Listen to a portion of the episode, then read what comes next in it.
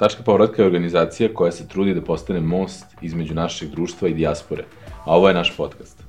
U njemu ćete čuti iskustva i priče naših ljudi iz inostranstva, naših povratnika i uspešnih individualaca koji stvaraju Srbiju. Danas su sa nama Iva Đurović, koja je ekonomista sa višegodišnjim radnim iskustvom u polju financije i preduzetništva. Karijeru je započela u Svetskoj banci u Vašingtonu, a zatim je provela pet godina radeći u polju financije u Mozambiku, Indoneziji i Srbiji. Trenutno pohađa master studije iz ekonomije razvoja na Univerzitetu Harvard, eh, Kennedy School of Government.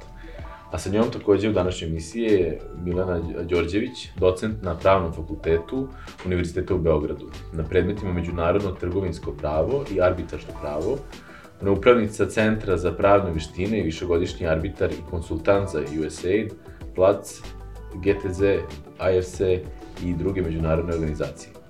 Sekretar je CISG Advisory Councila i član ICC arbitražnog suda. Ona je osnovne i doktorske studije prava završila u Beogradu, dok je master studije završila na Pittsburgh univerzitetu u SAD-u.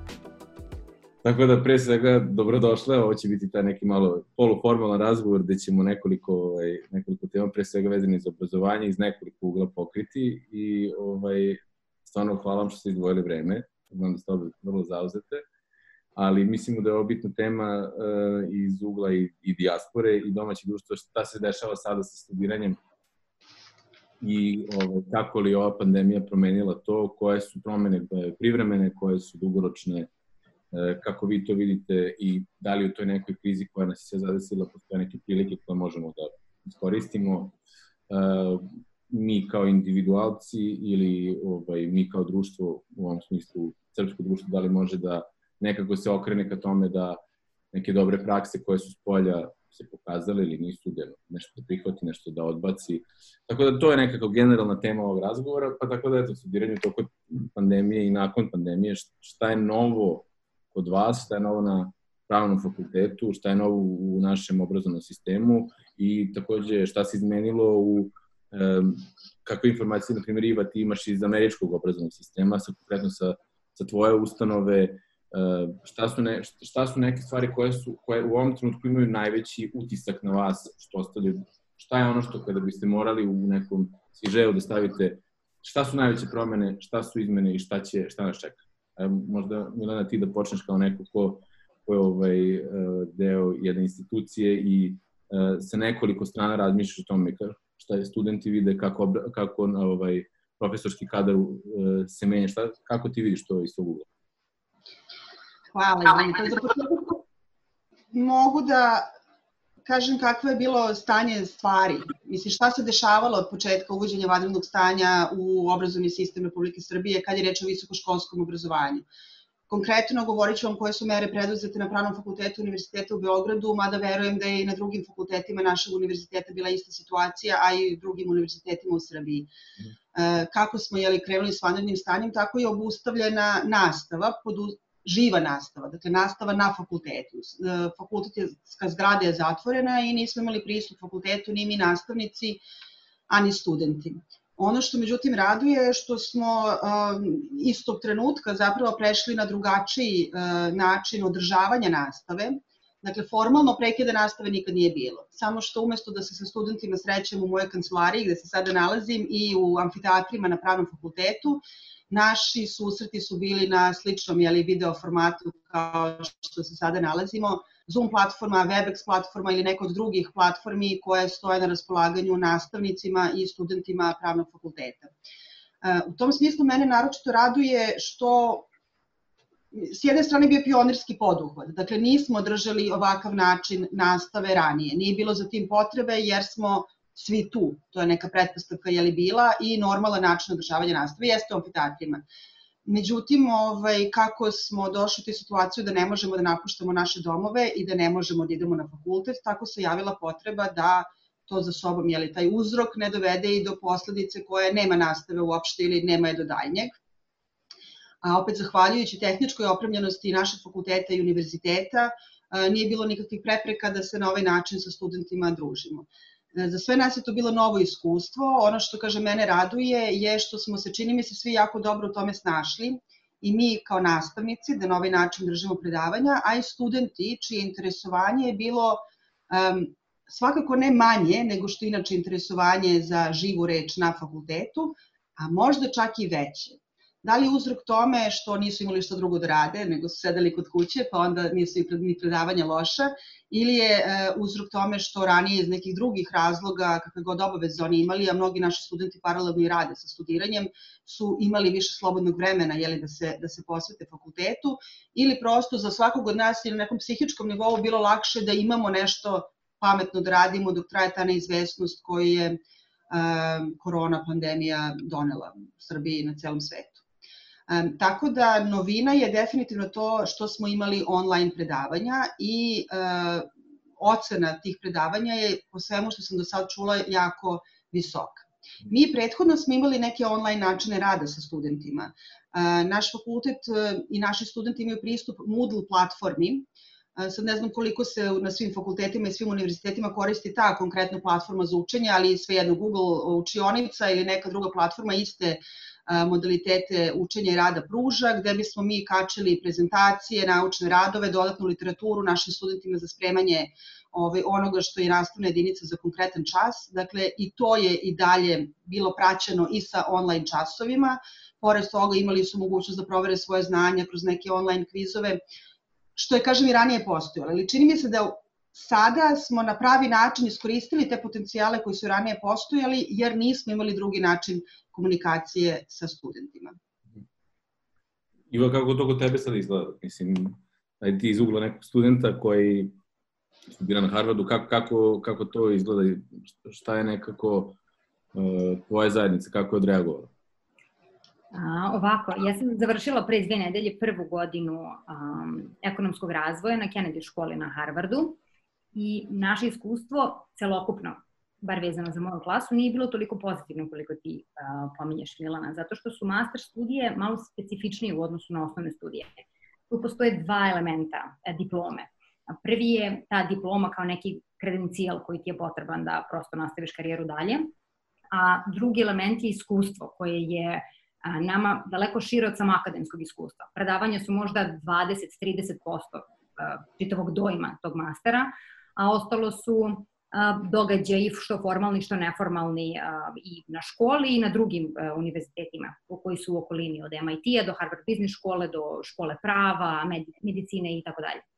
Tako da su vrlo smo se brzo adaptirali, u principu roku od nedelju dana smo sa predavanjem koje su bilo uživo prešli na online predavanja testiranje je bilo možda dva ili tri dana smo radili preko Zoom platforme i nakon toga su nas zatvorili. Oni koji su ostali u Bostonu su od svojih kuća bukvalno zatvoreni radili predavanja, a ja sam se vratila, odlučila sam da se vratim u Beograd, onda sam odavde radila tih poslednjih koliko, dva, dva i po meseca.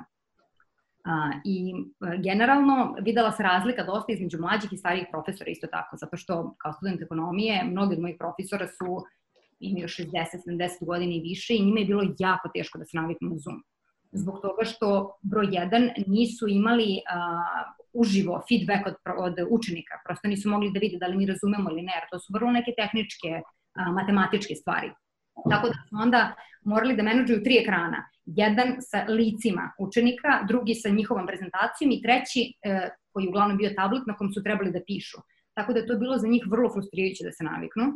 A, za mlađe profesore to je bilo naravno daleko lakše i onda uh, mi kao učenici smo, bar u mojoj klasi od nas 80, smo to našli onako, bilo je dosta izazovno. Bilo je dosta izazovno da se priviknemo na to da sada sami u svojim kućama moramo prosto da se fokusiramo 7-8 sati dnevno samo na kompjuter, bez da ti je neko tu pored da može da ti pomogne da ti uradiš mikroekonomiju, te neko da uradi makroekonomiju pa da se prosto komplementujete. Tako da je um, količina rada se dosta povećala, morali smo daleko više da uh, fokusa stavimo na taj neki akademski deo, bez benefita toga da nakon tih predavanja i nakon škole možemo da odemo da se upoznamo ili sa nekim ministrom financija ili sa nekim novim piscem ili prosto da komuniciramo sa profesorima koji su ili ekonomisti, pravnici ili tako dalje. Tako da je onda uh, naš, naše neko očekivanje od mastera je na samom početku, zbog čega smo otišli, na taj neki benefit akademski ili kao samo diploma, već i iskustvo koje je maltene svelo na, pa dobro, ne baš na totalnu nulu, ali se svelo na, na neki minimum. Da.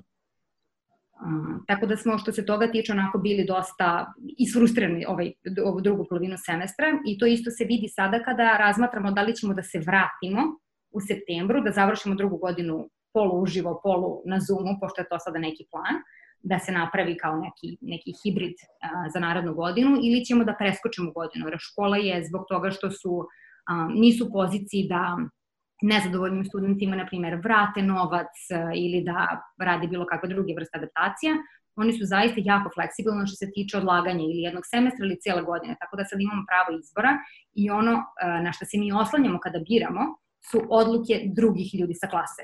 Tako da nije to da li, će, da li će predavanje biti online ili neće biti online, nego da li ćemo svi zajedno biti klasa do kraja ili ćemo biti svi zajedno u Bostonu ili negde drugo, tako da to je nešto što razmatramo, taj neki networking moment više nego akademsku stranu stvari. I to sam baš htela da pitam, pošto to mi isto jako interesantno kako, kakvi planovi se, ovaj, e, šta ti recimo, kako ti delo da će izgledati studiranje u tvojoj konkretnoj budućnosti, šta misliš na koju stranu će da prevagne, a sa druge strane, e, na, nakon tebi, ako možeš Milana ti da se dođeš, šta ti misliš, kako ćete vi sada ući u novi semestar, kako ćete u septembru, oktobru da krenete sa predavanjima, da li pravite neke planove vezano za drugi talas, da li će biti, neće biti, e, kako će u tom, mislim, drugačiji su pozicije, drugačiji su uglovi, ali šta su neka očekivanja, mislim, i lični i profesionalni planovi sa te strane, da ti da nastaviš u ovom nekom duhu, pa Milana se nadoveže sa. Pa ovako, na Harvardu ili bar na Kennedy školi su uh, najiskreniji ekonomisti i najveći pesimisti. Mm -hmm. Tako da oni očekuju taj drugi talas koji će se dogoditi oktobar, novembar, decembar, nismo sigurni i trenutno je plan, ovo nije fiksni plan, ovo je sada, za sada samo ideja, plan je da uh, celu klasu, svaki predmet podela na dva dela. Da jedne nedelje ide prva polovina, druga polovina radi od kuće i naredne nedelje se menjaju uloge. Tako da će onda bar za pola da se smanji prisutnost u svim prostorijama. Uh, u sve učionici su sada, to smo videli, slali su nam slike ljudi koji su tamo, postavili su u tim amfiteatrima kao neke plastične prepreke prosto između studenta. Da, da, da. Um, I ta, to je taj neki hibrid koji se planira za naredni semestar i najverovatnije za celu narednu godinu ali na duže staze, već 2021. od septembra, ukoliko se ovo, kako se očekuje, ako se situacija smiri, ja mislim da će se sve vratiti na, na normalu i da će prosto bar za ove master studije koje su društvenog karaktera sve da se vrati na face to face, na učenje uživo. Osnovne studije su drugačije. Ja mislim da tu će možda šok da bude uh, daleko veći na opšte instituciju osnovnog uh, obrazovanja za, vezan za osnovne studije u univerzitetu, ali za ove mastere konkretno mislim da je ovo samo privremeni šok, koji će biti mm. rešen tako što će se napraviti hibrid u narednih godinu dana. Za osnovne, za osnovne studije se planira isti model ili Pa, za osnovne studije se za sada planira, da, isti model za ovu prvu godinu, ali mislim da nadalje, Amerika je vrlo, vrlo specifična i osnovne studije su zaista jako skupe. Jedna godina na privatnom fakultetu košta sada zavisnosti od fakulteta između 50 i čak 70 hiljada dolara, što je zaista preskupo. I onda se sada uopšte postavlja pitanje toga da li zapravo sve u te četiri godine mora da se dogodi uh, uživo. Jer su mnogi od tih stvari vrlo tehničke, silne neke matematike, mislim, ne znam, Pitagorina teorema ili određene hemijske formule, to je isto da li se radi online ili se radi uživo. Tako da mnogi od tih stvari možda mogu da se zamene mnogo jeftinijim online platformama. Tako da tu se sada vodi debata u Americi vezano za budućnost, ali na duže staze za ostale studije, da li tu može da se napravi neki kompromis, pa da se cene a, spuste. Dok za master studije to je već jedna onako vrlo luksuzna stvar, usavršavanje i to se radi, to je više stvari izbora a, da li neko želi da ide na master ili na doktorat i tu onda ima tu ovaj networking koji sam pominjala, to neko iskustvo ima mnogo veću, mnogo veću vrednost. Tako da je mnogo manji deo tog obrazovanja višeg koji može da se zameni a, nekim online pristupom. Jer mi koji idemo na master studije i na, na doktorat, uh, bar recimo Kennedy škola ili pogotovo biznis škola, a, već dolazimo sa određenim radnim iskustvom koji je, ne znam, 6, 7, 8 godina prosečnog radnog iskustva. Tako da mi već te neke tehničke veštine imamo. Da je onda vrednost sticanja tih tehničkih veština daleko manji nego taj neki moment upoznavanja drugih ljudi, prosto povezivanje učenja od toga da, da budeš sa drugim ljudima. Jasno. Milana, kakvo je iskustvo sa vašeg fakulteta? Kako, kakvi su planovi? Šta, jel diskutujete o tome kako izgleda decembar 2020? Pa ja bih da se osvrnem prvo na ovo što je Iva pričala, zato što e, činjenica je da u zavisnosti od vrste studija iskustvo sa online učenjem, da kažem, je drugačije. E, tako da nivo studija i vrsta studija koju Iva trenutno pohađa u Americi ili online pohađa u Americi je da, razumem njeno nezadovoljstvo. Činjenica da bi bilo bolje da za takve studije ima face-to-face kontakt uživo, a ne preko monitora. E, s druge strane, i na našem univerzitetu, u zavisnosti od vrste studija, benefit ili koristi online učenja su drugačije. E, I u tom smislu čini mi se da mi nismo svi na isti način pristupili, da kažemo, ovom problemu.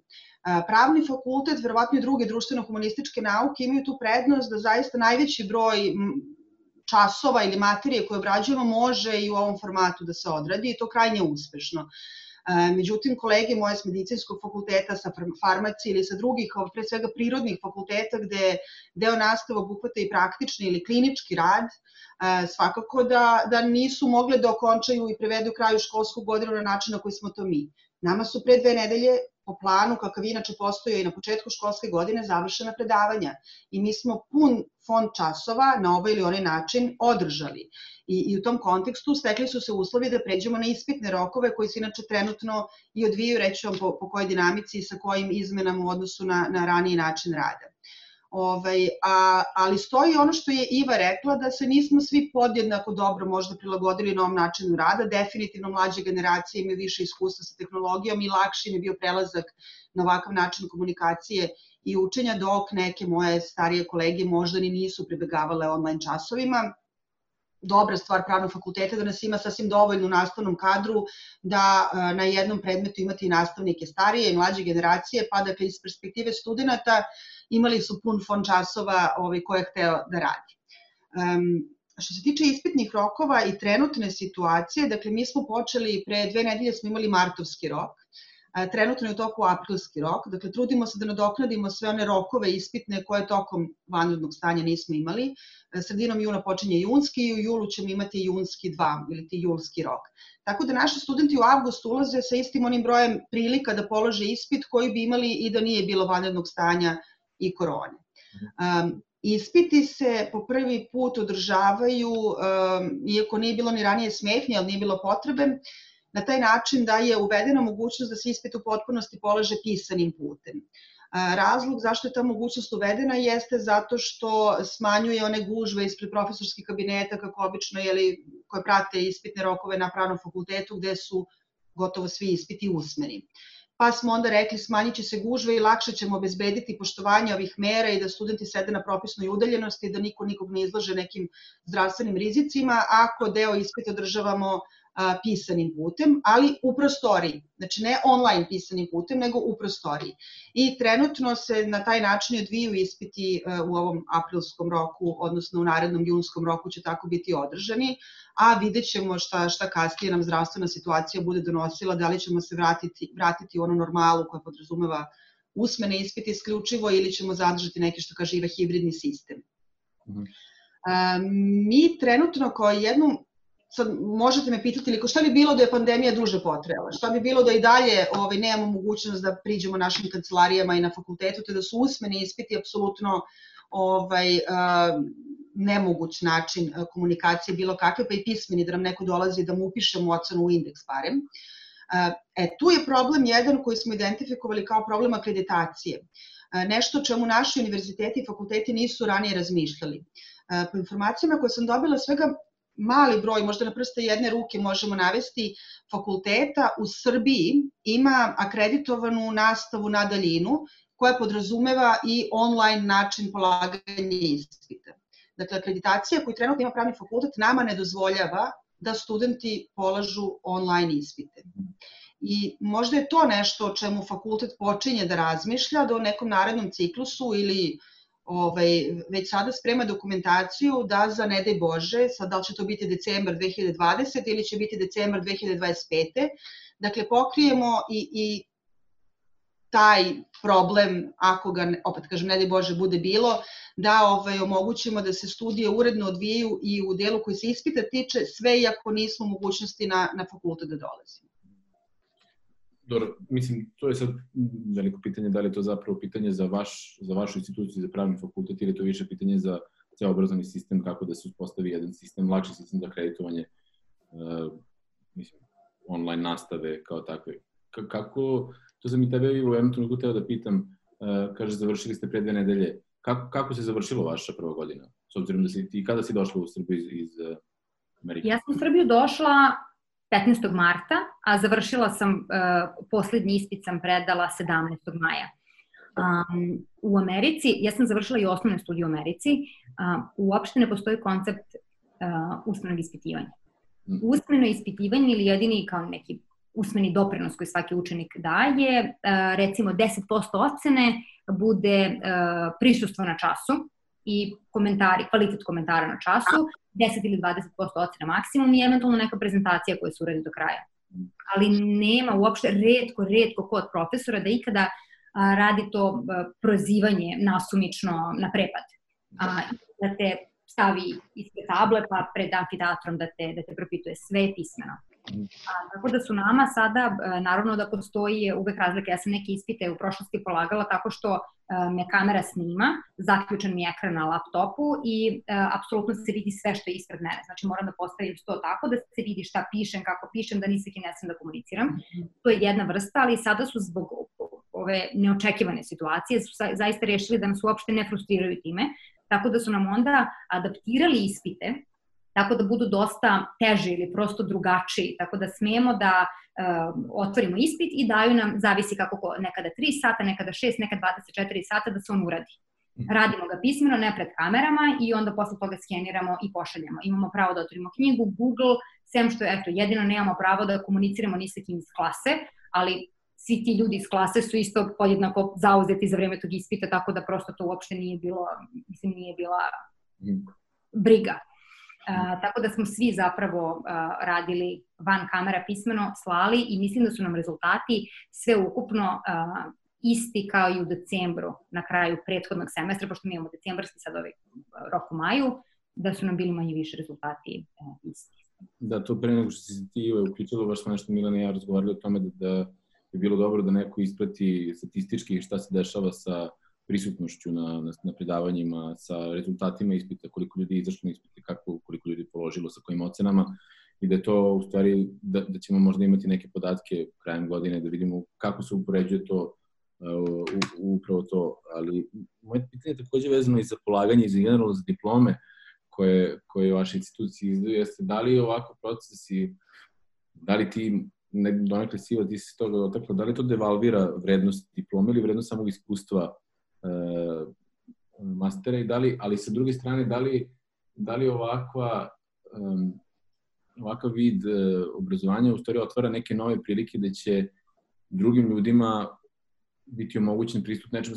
Moje pitanje je tu više vezano šta, šta ovo konkretno znači za, za vaše institucije, da li mislim da to devalvira njihov status, pošto i, i pravni fakultet e, i naravno Harvard imaju određene statuse u, u našim društvima, pa kako se e, ukoliko ovo bude produžena stvar i ukoliko ovo bude nova normala i ukoliko koronavirus bude samo prvi od mnogih, postoje neka predviđenja da je ovo samo uvod u neku, neku epizodu koja će duže malo trajati. Šta onda to znači za vrednost e, diplome koje izdaje pravni fakultet ili, na primjer, za vrednost tvoje diplome koje ćeš dobiti, pa možda uh, to me interesuje kako vi vidite, da li postoji neki bojazan, da li postoji neki rizik, kako, kako vi percipirate to? Kogod želi prvi da se nadoveže ovo ja sam posljednja pričala, Milana, ako hoćeš ti, meni ne smeta ni da počnem i da te sačekam.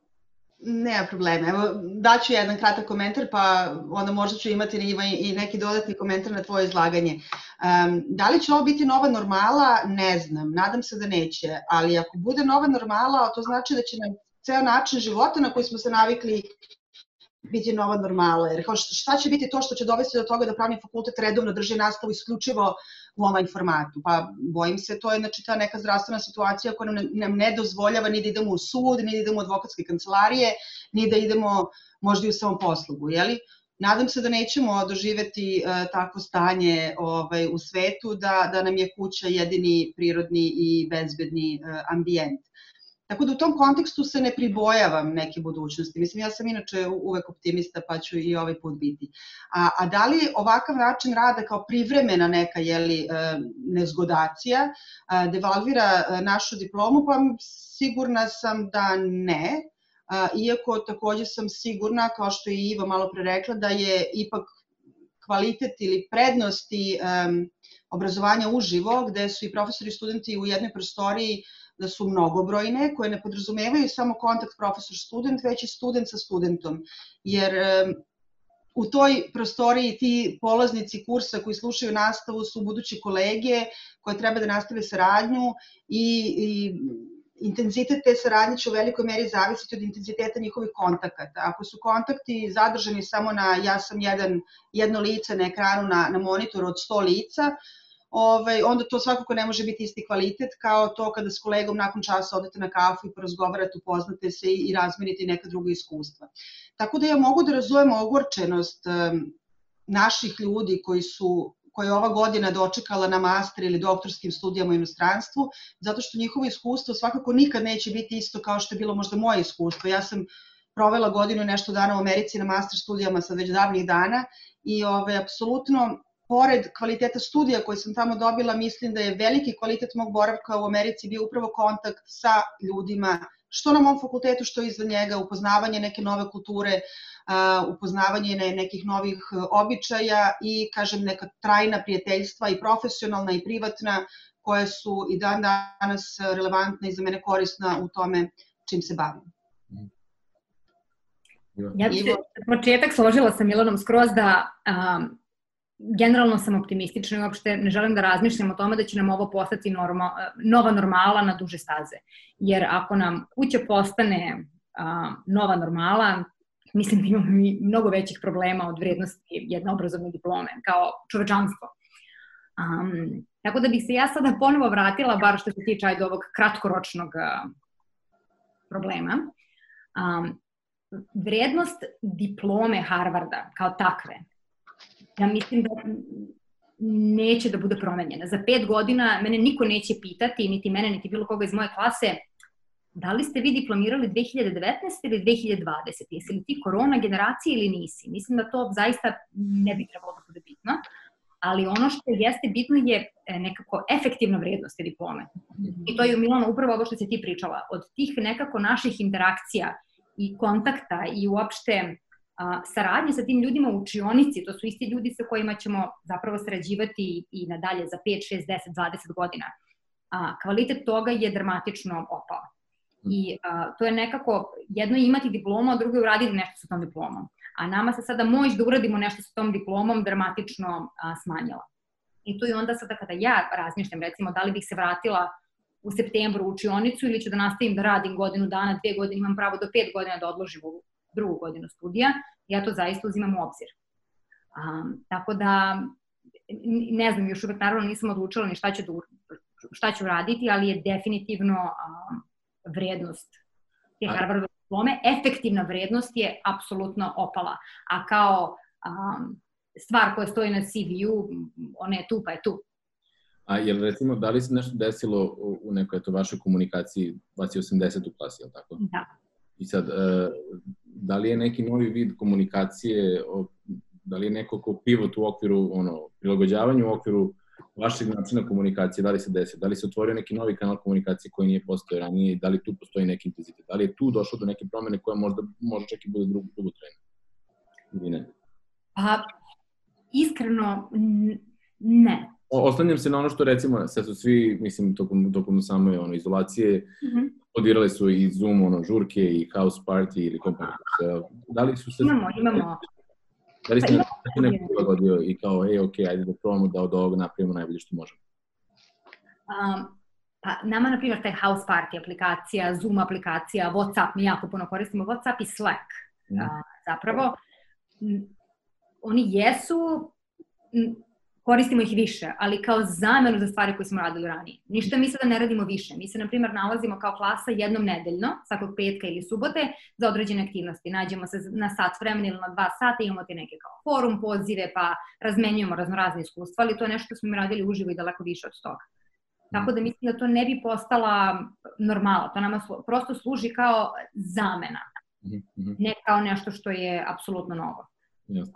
Tako da mislim da, da se ništa što se tog nekog društvenog aspekta nije, da ništa nismo uh, usvojili što će da ostane i nakon korone kao nešto što je mm. prosto fenomenalno. Prosto smo samo usvojili tehnologiju kao zamenu za neke stvari koje smo radili uživo 24 sata, jer smo mi svi iz klasa uglavnom i živimo zajedno, po dvoje, troje, četvoro, živimo zajedno u jednoj zgradi ili jednoj kući nas bude i po 8, 9. Tako da je to nekako iskustvo koje je 24 sata te prosto obuzme taj duh dok ovde, dok si na predavanjima si prosto nekako tu. Kada klikneš uh, leave meeting, mm. uh, ti svoj na svome vraćaš se svom normalnom životu.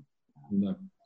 A, Milena, da li ti eventualno kao neko ko se, kao, ko, ko je u nastavi sa te strane, da li ti vidiš ovo kao neku priliku e, da se razviju neki novi pravci ili neke nove obrazovne institucije ili neki ob, novi obrazovni sistemi? Da, da li je ovo, kao i u svakoj krizi, gde postoji neka nova prilika, gde ti tu prepoznaješ nešto e, u okviru našeg, na primjer, obrazovnog sistema?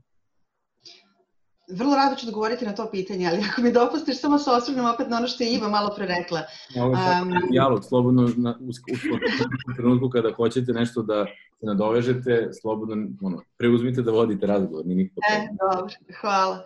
Ovo, nadam se da neću zaboraviti pitanje. Um, pa vidiš, zanimljivo mi je bilo ovo što je Iva rekla da će razmisliti dobro da li će se u narednu školsku godinu vratiti ukoliko ostane taj hibridni ili online sistem ili će sačekati par godina pre nego što se vrati na ono pravo, puno iskustvo studiranja koje podrazumeva i da živi sa tim ljudima u Americi ovaj, gde se već fakultet nalazi. Um, I u tom smislu, ja inače predmeti koje ja predajem su na četvrtoj godini, što je poslednja godina studija pravnog fakulteta i u ovom periodu već uh, puno mojih studenta za koje sam pisala pisma preporuke za studije master u inostranstvu zna da je primljeno na najprestižnije fakultete širom sveta.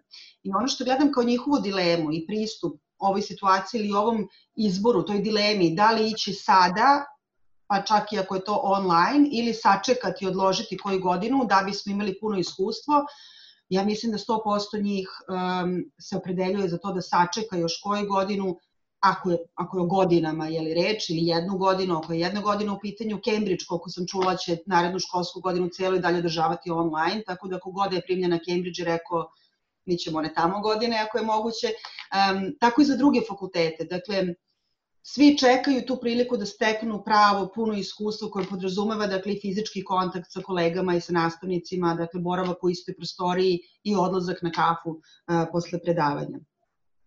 Um, to je jedna stvar koju je Iva rekla, bila je još jedna koja mi je sad ovaj negde uh, trenutno odletela, ali možda ću se kasnije vratiti na to. Uh, sećam se, e, moji studenti, sad kakvo je njihovo jeli, iskustvo? Ja sam uglavnom, čini mi se, afirmativno pričala, ali u smislu prilagođavanja našeg obrazovnog sistema, obrazovnog sistema problemima koje je pandemija izazvala i ja sam prijatno iznenađena ili zadovoljna um, na koji način smo se s tim izazovima sad, za sada izborili ali kao izazovi odnosno na vanredno stanje, naše prilagođavanje na vanredno stanje. Ne kažem da je sve bilo idealno ako će nam ovo postati nova normalnost, da. ima sigurno prostora za unapređenje.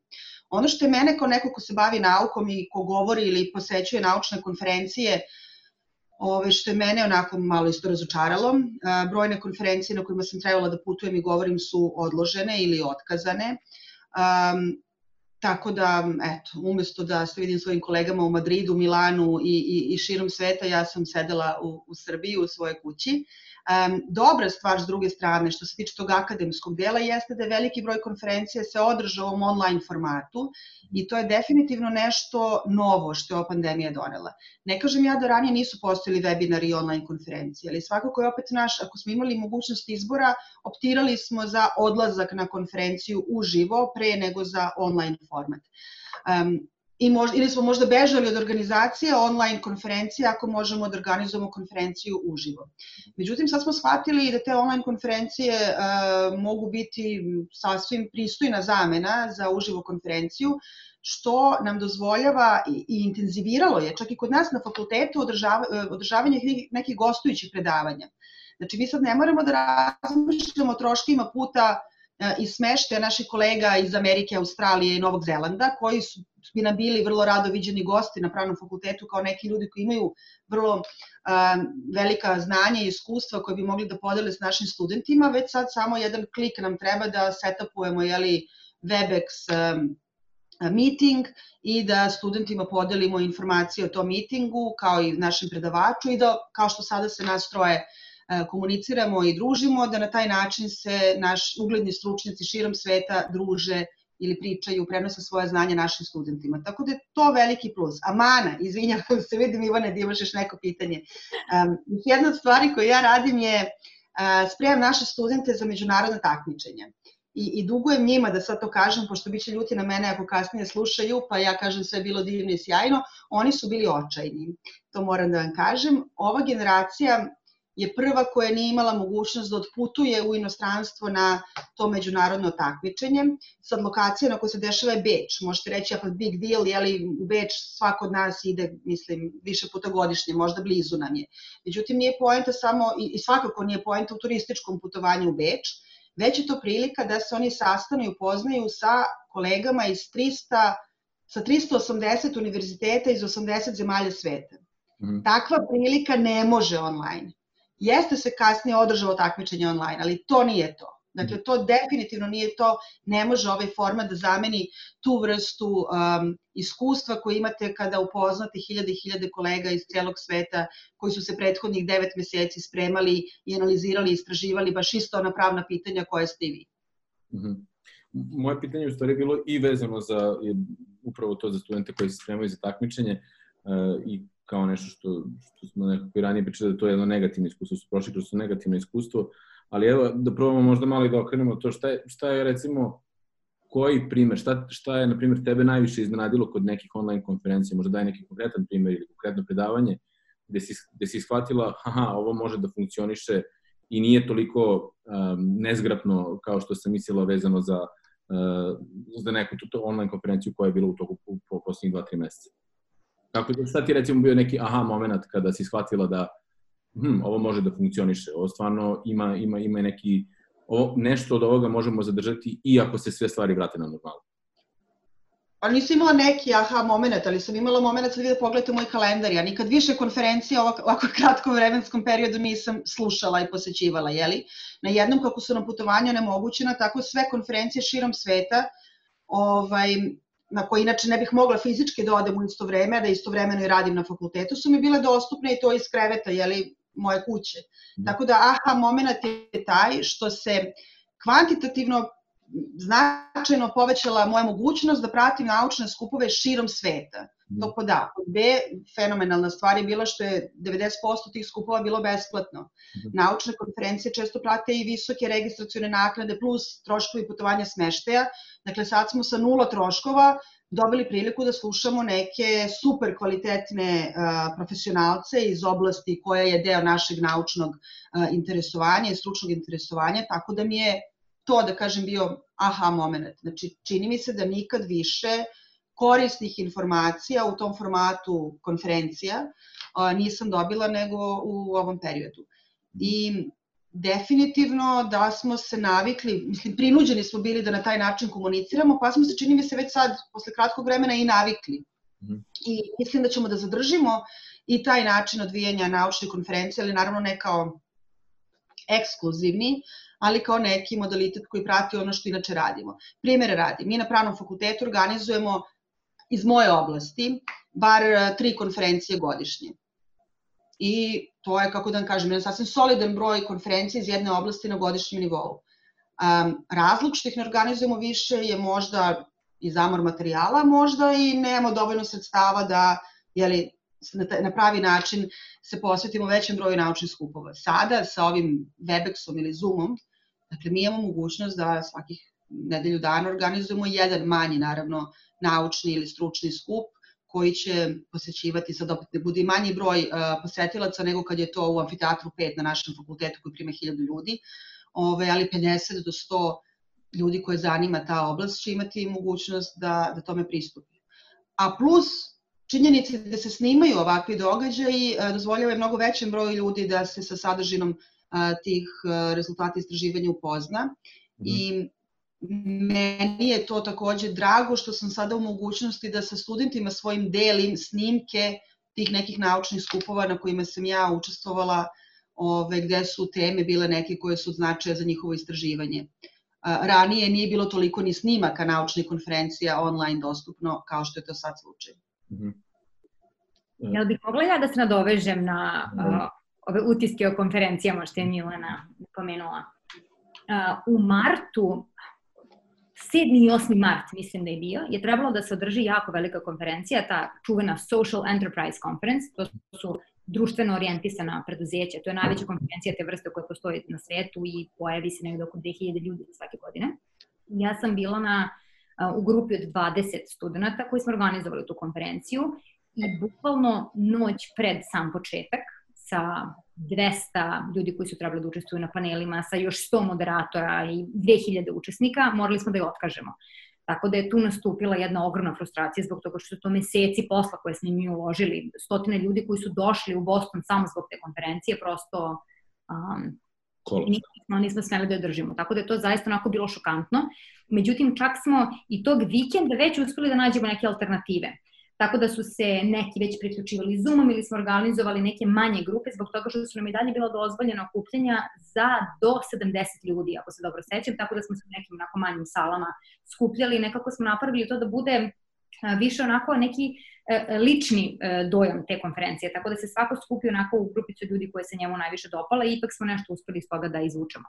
Ali je zaista tačno da odmah to nakon recimo taj neki 15. i 16. mart kada je već sve krenulo onako da, da hukte na celom svetu, um, počeli su da niču webinari na sve strane. Ja nikada više webinara nisam videla prosto besplatnih, nikada interesantnijih tema što se tiče apsolutno svega i ekonomije i mentalnog zdravlja i korone i uh, fizike, apsolutno svega i nekako su ljudi toliko bili pogotovo u tom naučnom svetu, su toliko bili motivisani da nekako da ostanu uključeni i da podele to svoje znanje i da apsolutno ništa za to ni ne naplate, nego da prosto samo da, da razgovor traje i da ako budemo, čak i ako smo otuđeni, da nekako opet ostanemo zajedno.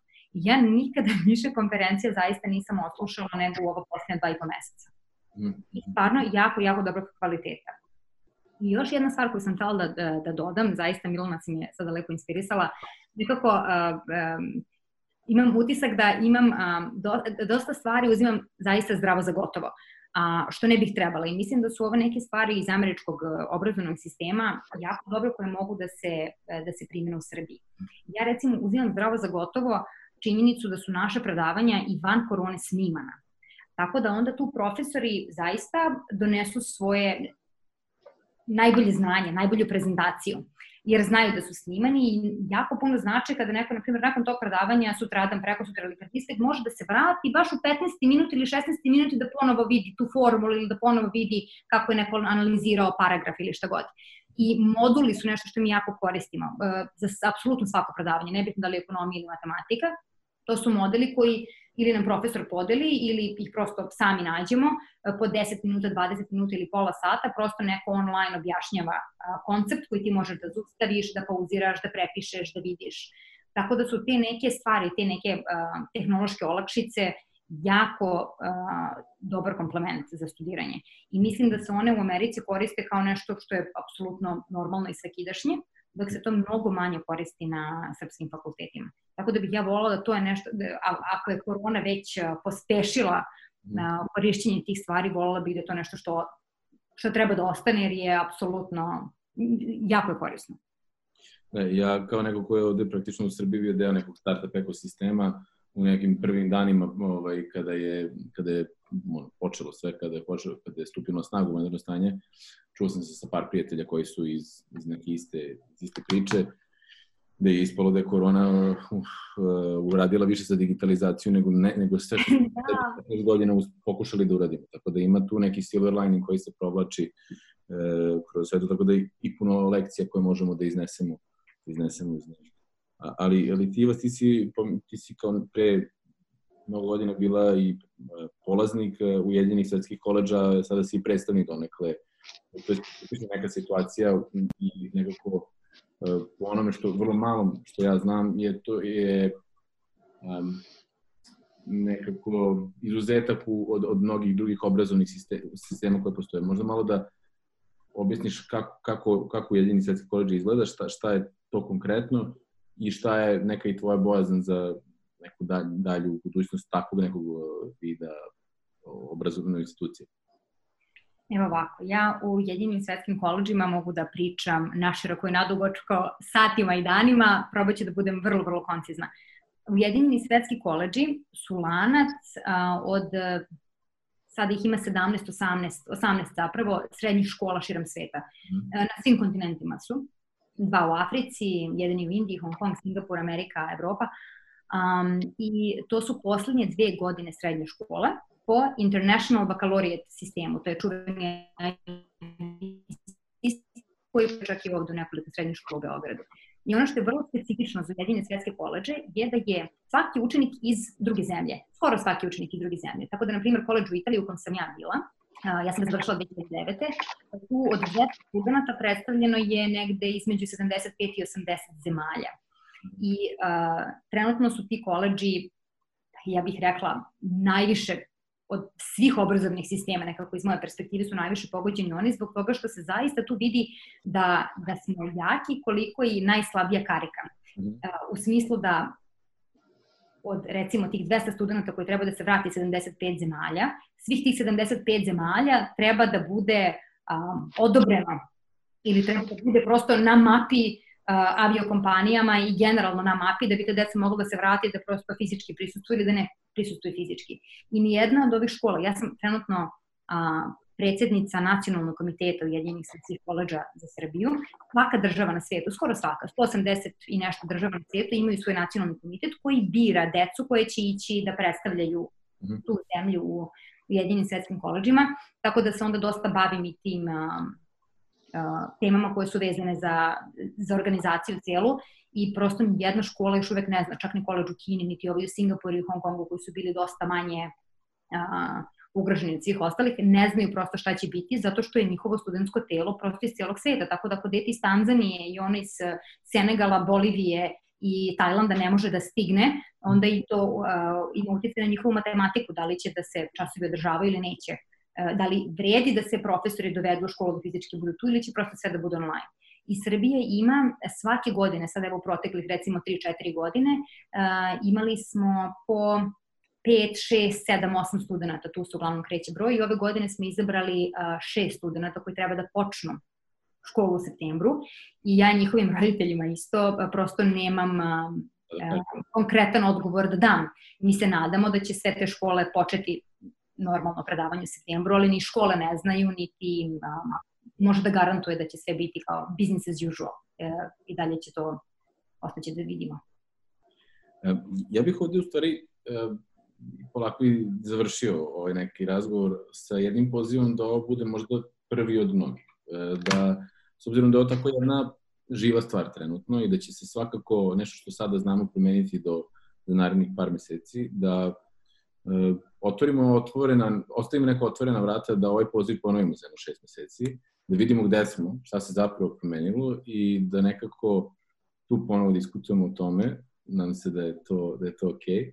E, i, I ja bih da vam se zahvalim, u stvari, što ste odvojili svoje vreme. E, ne poznajemo se lično, ali nadam se da će biti prilike i, i, da, se, i, da, se, i da se upoznamo. Tako da želim vam sve najbolje dalje u profesionalnim karijerama i nadam se da prihvatate neki moj tentativni poziv za budućnost da, da nastavimo ovaj dijalog kada budemo imali nove neke informacije. Naravno. Meni je ovo zaista zanimljivo, volela bih da dodam da e, sa nekim drugaricama radile smo često, pravile smo kapsulu, vremensku kapsulu, da napišemo sebi i jedno drugoj poruke za mhm. godinu dana ili za pet godina da vidimo gde, će biti, gde ćemo biti i šta će se događati. I sada se ovo pretvorilo u vremensku kapsulu za tri meseca, za šest meseci, za godinu dana, jer prosto se toliko sve brzo menja da šest meseci je apsolutno, zamišljam sebe za šest meseci i nimam ideju gde bih, um, nigde bih volala da budem. Super. A ja se nadam da je to to, Milena, nadam se da i ti da se pridružuješ ovim, ovim, ovim vremenom. Pridružujem se i, i zahvalnosti i ovaj, pridružujem se Ivinom pozivu da otvaramo kapsule za šest meseci. Ivane, Ivane, kako, kako ovaj, vi to odlučite. Dobro. Ništa. Hvala vam puno. E, čujemo se i vidimo se nekada. Hvala. Hvala ti.